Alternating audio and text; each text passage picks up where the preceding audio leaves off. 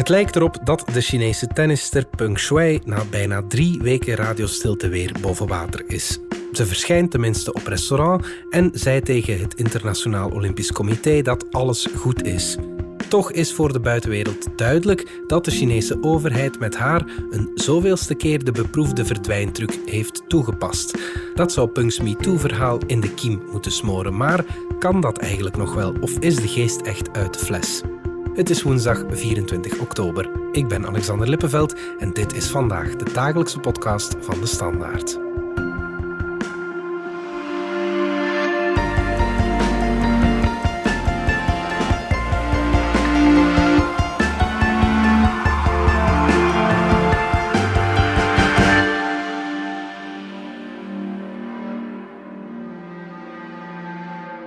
Giselle Nat van onze buitenlandredactie. Jij volgt China al een tijdje voor onze krant. Hoe optimistisch ben jij als je Peng Shuai ziet glimlachen in een videogesprekje met de voorzitter van het Internationaal Olympisch Comité? Ja, niet erg eh, optimistisch. Hè. En die sceptisch wordt ook breed gedeeld. Ehm, als je dat uh, filmpje ziet, dan zie je daar Peng zeggen: Ik ben veilig, uh, ik wil graag met het IOC in januari eens gaan eten mhm. in Beijing. Maar die beelden bewijzen absoluut niet dat ze haar uitspraken niet onder dwang of censuur moet doen. Mhm, mhm. De Tennisfederatie gelooft het alvast niet. heel veel China-kenners geloven het ook niet. En eigenlijk is dit hele gesprek wel een pijnlijk moment voor het IOC. Oké, waarom? Ja, iedereen weet dat Peng gestraft is voor haar uitspraken in het kader van haar MeToo-zaak. En dat ze op dit moment een gijzelaar is van een autoritair regime. En dan aan de andere kant heb je het IOC, dat dan gaat zeggen: ja, we zijn opgelucht dat het goed gaat met Peng en haar gezondheid is onze grootste zorg. Dat klinkt behoorlijk toondoof. Ja, oké. Maar laten we toch even eh, bij het begin beginnen. Wie is Peng Shuai en waarom was ze vooral een tijd lang vermist? Ja, Peng Shuai is een uh, tennisster die vooral succes had met het dubbelspel. Mm -hmm. um, ze won Wimbledon in 2013, Roland Garros in 2014. Dat jaar was ze ook de nummer 1 van de wereld in het dubbelspel. Ja niet de eerste, de beste. Maar de laatste jaren was het wel stiller rond haar in de, in de tenniswereld. Hè? Ja, ze is nu 35 jaar oud. Niet officieel gestopt, maar wel uh, dateren haar laatste matchen uh, van een tijdje terug. Hmm. In China is ze wel nog altijd een naam waar mensen trots op zijn. -hmm. uh, ze is ook drievoudig Olympier en ze had meer dan een half miljoen volgers op de Chinese versie van Twitter, Weibo. Ja, oké. Okay. En dan plots begin november zien al haar volgers een lang bericht op Weibo we luisteren even naar enkele passages. Ik weet dat iemand die zo voornaam is als jij, vicepremier, zal zeggen dat hij niet bang is. Maar zelfs al lijk ik nu op een mot die op een vlam afvliegt en zo zijn eigen ondergang uitlokt, toch zal ik de waarheid over jou vertellen. Waarna Peng vertelt dat Zhang haar tot seks heeft gedwongen. Ze gaat verder. Die middag gaf ik mijn toestemming niet en ik kon niet stoppen met huilen. Je hebt me naar huis gebracht en me gedwongen tot relaties met jou. Ze schrijft ook nog: Je was altijd bang dat ik iets als een recorder zou meenemen om bewijs vast te leggen of zo. Er is geen geluidsopname, geen videoopname, alleen mijn vervormde, maar heel echte ervaring.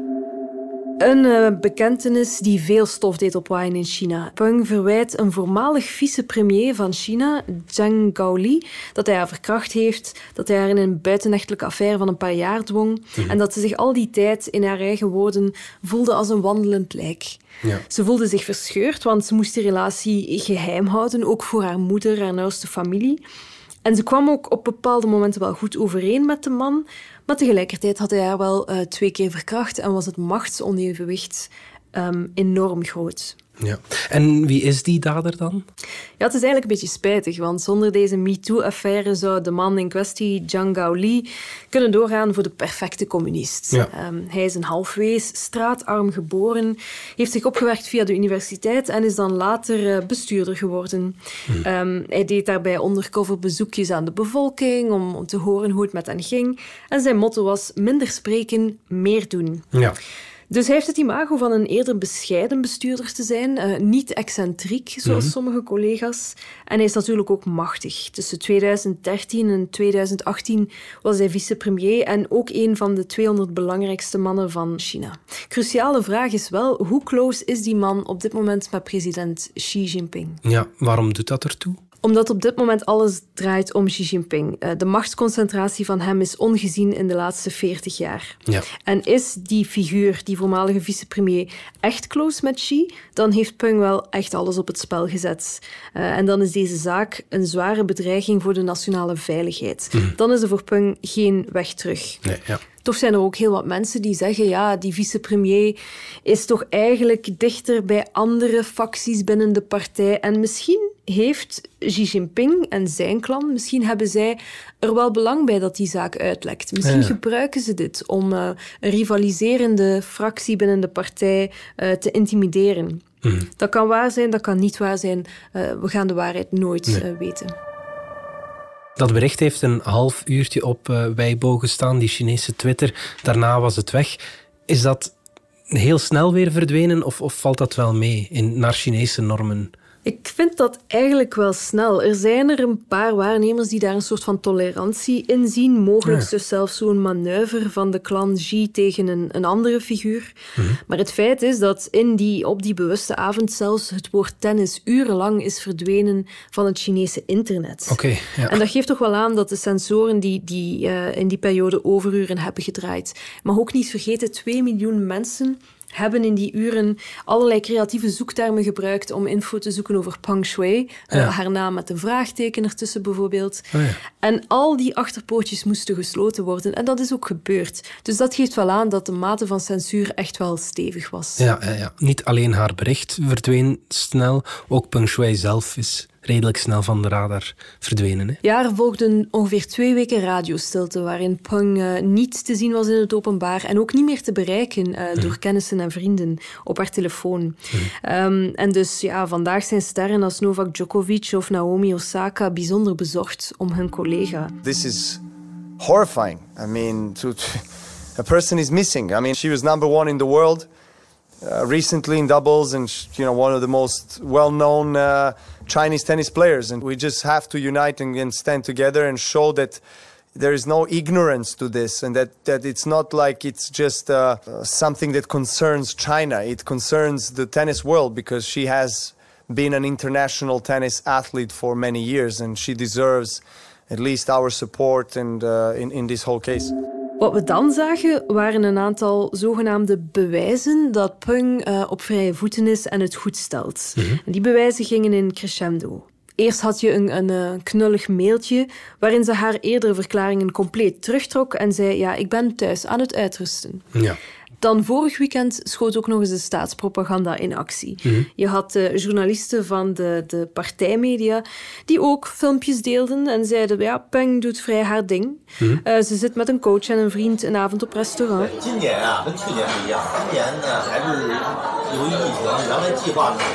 In die beelden zie je het trio daar zitten, op restaurant in Beijing zogenaamd. Ja. En ze vermelden ook expliciet de datum. Ze zeggen dan, het is 20 november. Maar het gezelschap maakt daarbij schijnbaar toch een foutje en zegt dan snel: nee, nee, sorry, het is toch 21 november. Ja. De coach in kwestie heractiveerde ook een uh, ingeslapen Twitter-account speciaal om over dat avondje te kunnen berichten en die beelden in het Westen te verspreiden. Dus je voelt al aan aan dit en andere voorbeelden die zijn gelost dat ja, die scènes op een knullige manier geanceneerd zijn. Ja. Er is ook ander uh, niet gedateerd beeldbewijs tussen aanhalingstekens waarin je uh, Peng ziet op een toernooi. Of in haar slaapkamer naast een hele hoop knuffels. Ja. Nu, er is echt, er zijn bizarre dingen bezig met die foto's. Uh, mm -hmm. Ze doen zelfs denken aan hoe Britney Spears, popster Britney Spears, op Instagram subtiele noodkreten uitzond naar haar publiek. Mm -hmm. Want op de foto's in haar slaapkamer zie je onze tennisster mm -hmm. met een knuffel in de hand en een foto van Winnie de Pooh op de achtergrond. Ja. Winnie de Pooh is in China een bekend, uh, bekend symbool voor president Xi Jinping, vooral onder critici. Ja. En veel mensen zien daarin dus een subtiele noodkreet of, of signaal waarin ze zegt of, of toont van kijk, ik zit hier nu en de man die dit allemaal uh, zo afdwingt of aanstuurt is de president, ja. is het staatsapparaat. Je schreef eerder deze week: niemand beschouwt die beelden als geloofwaardig. Er, druipt een hele ansenering vanaf. Hè? Precies. Eh, dit is echt wel een poppenkast van het regime om de eigen wandaden uit te wissen en vooral ook die buitenwereld te misleiden, omdat er op dit moment zoveel op het spel staat. Ja, wat, wat staat er dan precies op het spel voor China in deze zaak?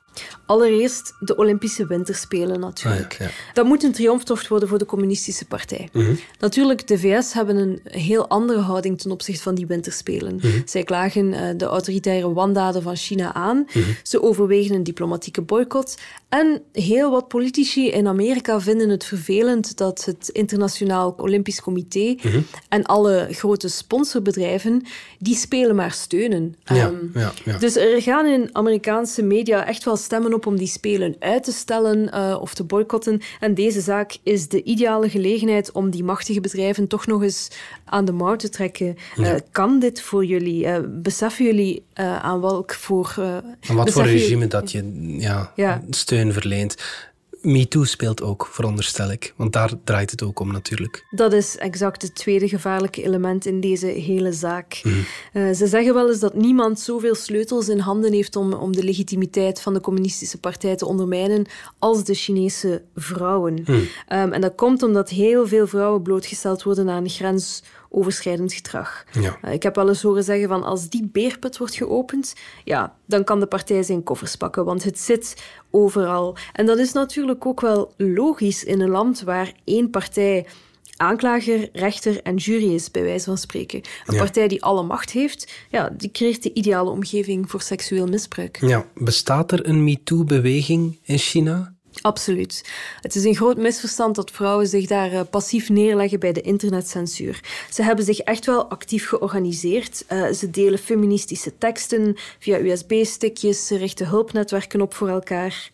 En de belangrijkste triomf van de beweging is dat zaken die vroeger niet besproken waren, nu wel worden benoemd en als een schande worden weggezet. En dat is echt een enorm grote sprong voor China. Seksueel misbruik bleef vroeger verborgen, maar nu wordt het gezien als een plaag en moreel verwerpelijk. En heel veel vrouwen vinden dat hun situatie niet oké is en heel veel mannelijke machthebbers uh, lopen gevaar. Ja, bestond dan vroeger het idee in China dat seksueel misbruik ja, gewoon dik oké is? Zo extreem misschien ook niet, maar er was wel een groot geloof in uh, wat ze girlboss feminisme noemen. Okay. Vrouwen dachten van, kijk, we hebben nu meer diploma's dan onze moeders, we hebben veel meer geld, een eigen flat, uh, we kopen dure make-up en al de rest zal ook wel goed komen. Ja. Dat was het idee van we hebben niet zoveel te klagen en ook niet zoveel grote, grote uitdagingen meer. Mhm. Maar zelfs met al die uh, successen blijft de arbeidsmarktdiscriminatie in China verschrikkelijk. Mhm. Um, de familieverhoudingen zijn ook heel versteend. En zoals ik zei, seksueel misbruik wordt nog wijd toegedekt. Mhm. Vrouwen kregen daarentegen constant het signaal van zing maar een toontje lager, want je hebt nu toch geld. Je hebt het nu toch goed. Hmm. En dat accepteren ze niet meer. En dat is echt de grote vooruitgang ten opzichte van vroeger. Ja, ja, ja. dat vraagt veel moed om aan te kaarten natuurlijk. Zijn er ook al daders bestraft? Ja, de concrete triomfen lijken voorlopig iets bescheidener, al is er zeker op lokaal niveau wel veel aan het, aan het bewegen. Mhm. Er zijn al daders die tuchtstraffen kregen. Mhm. Ehm, bijvoorbeeld een bekende professor in Beijing, um, de leider van een NGO in de provincie Sichuan en een manager van Alibaba. Ja. Ook een mijlpaal dit jaar was de allereerste en breed gevolgde uh, MeToo-rechtszaak. Mhm. Dat was een jonge vrouw met schuilnaam Xianzi. Uh, die stagiaire was bij de Chinese staatstelevisie. En zij heeft uh, een presentator, een heel bekende presentator, zeg maar de Ben Krabbe van China, aangeklaagd voor seksueel grensoverschrijdend gedrag. Mhm. um, hij kuste haar tegen haar wil in de kleedkamer, vroeg seksuele gunsten ja, zeg maar de usual uh, in China. Ja. Die man is in die zaak vrijgesproken bij gebrek aan bewijs. Maar toch zag je op dat moment van die rechtszaak van Xianzi echt wel de kracht van de Chinese MeToo-beweging. Ah ja. En hoe dan? Wel, elke dag stonden er groepen mensen voor de rechtbank om Xianzi te steunen. Dat waren massa's die elk uur aanzwollen. En andere mensen doneerden geld of voorzagen uh, voedsel, warme noedelsoep uh, voor die supporters die daar in de kou hun steun betuigden voor dat meisje. Het zijn dat soort netwerken en solidariteit die echt veel belangrijker zijn dan wat een rechter beslist. Omdat in China weet iedereen dat de rechtbanken in de zak van het regime zitten. Maar vrouwen die zo'n eenpersoonskruistocht durven beginnen tegen de machthebbers, dat inspireert Chinezen gigantisch. Het triggert echt wel hun, hun moreel kompas. En daar is de Chinese Communistische Partij natuurlijk ook doodsbang voor. Ze kan MeToo wel wegcensureren op het internet, maar dat is een nooit eindigend uh, werk, omdat mensen uitwegen zoeken. En ook wel omdat Chinese burgers heel sterke morele verwachtingen hebben van hun leiders. Mm -hmm. Dus zo'n ster als Peng, die uh, zelfvernietiging riskeert om de gemeenschap vooruit te helpen, dat is iets wat Chinezen echt wel aanspreekt. We gaan er even uit voor wat reclame. De wereld verandert sneller dan ooit. Blijf bij met de Enterprise Cloud van Workday. Eén systeem waarmee u continu plant voor elk what-if scenario. Workday, het finance, HR en planningssysteem voor een veranderende wereld. Terug naar onze tennisster. Peng wordt dus gedwongen om te zeggen dat alles goed is met haar. Wat doet ze de rest van de tijd en waarom is ze dan zo lang al niet bereikbaar? Ja, de Chinese veiligheidsdiensten hebben uh, hun klassiek middel um, toegepast op haar, uh, de toezichtsdetentie op aangewezen locatie. Ja. Dat zijn een van de vier middelen die ze kunnen inzetten tegen zogenaamde onruststokers. Ja, dat is een soort huisarrest. Het is nog straffer. Oké. Okay. Wellicht is onze Peng uh, in een grote auto gedwongen ergens toen ze op weg was naar haar huis. Wellicht heeft ze ook de typische zwarte zak over haar hoofd gekregen, zodat ze niet kan zien waar ze naartoe wordt gebracht. Mm -hmm. En vervolgens heeft het regime haar uh, ergens op een uh, locatie, onbekende locatie afgezet, haar gsm afgenomen en haar in totaal isolement geplaatst. Ja. Dus je moet je dat voorstellen, je kan niemand contacteren, ook geen advocaat, want er is geen formele aanklacht. Mm -hmm. En je hebt in heel die periode dat je daar vastzit, ook een totaal gebrek aan privacy. Mm. We weten niet of ze door camera's wordt bewaakt of soldaten, waarschijnlijk een combinatie van de twee. Uh, maar het is iets wat een mens echt wel breekt. Mm. Wordt op dit moment waarschijnlijk ook wel onderworpen aan een zeer eenzijdig uh, dagschema, vastgelegd dagschema. Mm -hmm. uh, dat begint met verhoor uh, door een aantal zeer gezagstrouwe inspecteurs. Ze moet dan ook heel wat zelfkritiek waarschijnlijk schrijven. verplichte middagdutjes, verplichte maaltijden. Heel haar leven wordt overgenomen. Mm -hmm. Men zal haar daar duidelijk maken dat haar daden gevolgen hebben voor haar ouders en vrienden. Ja. We luisteren even naar kunstenaar Ai Weiwei, die het over zijn detentie heeft. Oh, crazy dreams. Wild dreams. If I sleep for like two hours, dreams like this. I would never experience dreams like that. And once a day they interrogate you? Sometimes once, sometimes twice. it's quite an extreme condition and uh, even I explain to you, you wouldn't understand because you have to be like that to understand that. Waarom doet het regime zoiets, Giselle? Omdat het regime de opstandeling wil corrigeren en tot inkeer brengen. Mm -hmm. Het is zo dat mensen die berouw tonen en beloven om verder te zwijgen, daarna hun gewone leven kunnen hervatten. Mm -hmm. Je moet ook begrijpen dat dit voor de partij eigenlijk een gunst is. Want uh, dit is nog een laatste kans om tijdens de detentie uh, te leren inbinden. Mm -hmm. Maar doe je dat niet, dan krijg je een echte strafklacht aan je broek. Mm -hmm. En zodra rechters en advocaten aan te pas komen, dan heb je in China eigenlijk geen kans meer. Uh, het land veroordeelt 99% van de mensen die voor de rechtbank komen. Ironisch genoeg dus niet onze televisiepresentator, want die ging vrij uit. Ja, ja okay. Maar ja, het, het, systeem, die detentie, dient dus om mensen te breken. Het gevolg is dat velen die het meemaken zich daarna niet meer ah, authentiek gedragen. Ze komen terug op verklaringen, ze volgen de partijlijn. Ja. Dat is echt heel opvallend. Um, en, en een beetje komisch zelfs. Maar Chinezen zijn er ook wel aan gewend om dat te zien gebeuren. Ja, ja oké. Okay. Dus dat is dan wat er met al die bekende Chinezen gebeurt die van de aardbol verdwijnen tussen aanhalingstekens. Ja, klopt. We hebben dit eerder gezien. Hè. Je had in 2019 actrice Fan Bingbing van X-Men. Mm -hmm. Die verdween vier maanden, uh, kwam daarna tot berouw.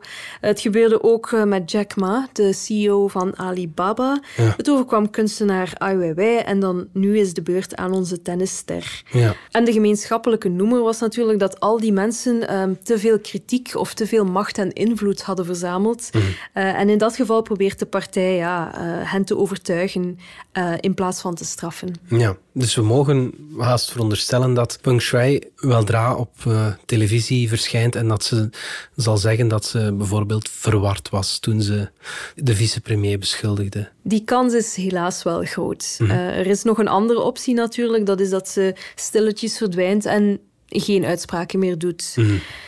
Maar zelfs al heeft de Communistische Partij dan haar zin behaald eh, en heeft ze weer eh, een moedige Chinees gebroken, de imagoschade van dit geval stapelt zich ook alleen maar uh, verder op. Mhm akkoord, ja, de aanklachten tegenover China komen wel vanuit een welbepaalde hoek, de VS. Ja. En die hebben bepaalde ambities en bepaalde geopolitieke motieven om mensenrechten schendingen aan te klagen. Maar goed, ja, de affaire Pung is natuurlijk eh, het zoveelste mensenrechten schandaal en dat blijft kleven. Ja. En ja, je zag de laatste jaren op de redactie wel wat schandalen passeren. Zo, ja. als ik alleen de laatste drie jaar eh, even samenvat. Je mhm. had ten eerste het waanzinnige politiegeweld tegen Hongkongers, vaak niet meer dan tieners. Mhm.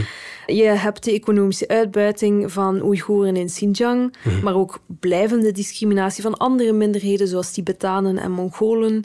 Dan hadden we het kidnappen en de gijzeling van een Chinese dissident die zelfs een Zweeds staatsburgerschap heeft. Ja. Ehm, en dan voeg ik daar nog aan toe het ongevraagd DNA verzamelen van de eigen bevolking om, om Chinezen beter te kunnen bewaken. Het monddoodmaken van klokkenluiders in Wuhan die de ernst van de pandemie aanklaagden. Mm. Dat is echt geen goede rapportkaart. Mm. Eh, en de actuele vraag blijft natuurlijk: hoe lang kan de wereld blijven doen of dit normaal is? Ja. Het verdwijnen van vrouwen die iets durven zeggen over misbruik. Ja. En over twee, drie maanden staat de blik van de wereld wel op China gericht met die winterspelen. Hè? Inderdaad, en dan zal blijken hoe succesvol die spelen eigenlijk zijn als PR-operatie voor China. Mhm. Goed, Giselle Nat, dankjewel. Dankjewel. Dit was vandaag de dagelijkse podcast van De Standaard. Bedankt voor het luisteren. Ken je trouwens DS Podcast al, de podcast-app van De Standaard? Daar luister je niet alleen naar onze journalistieke reeksen, je krijgt ook elke week een eigenhandige selectie van de beste nieuwe podcasts op de markt. Alle credits van de podcast die je net hoorde vind je op standaard.be-podcast. Reageren kan via podcast.standaard.be. Morgen zijn we opnieuw.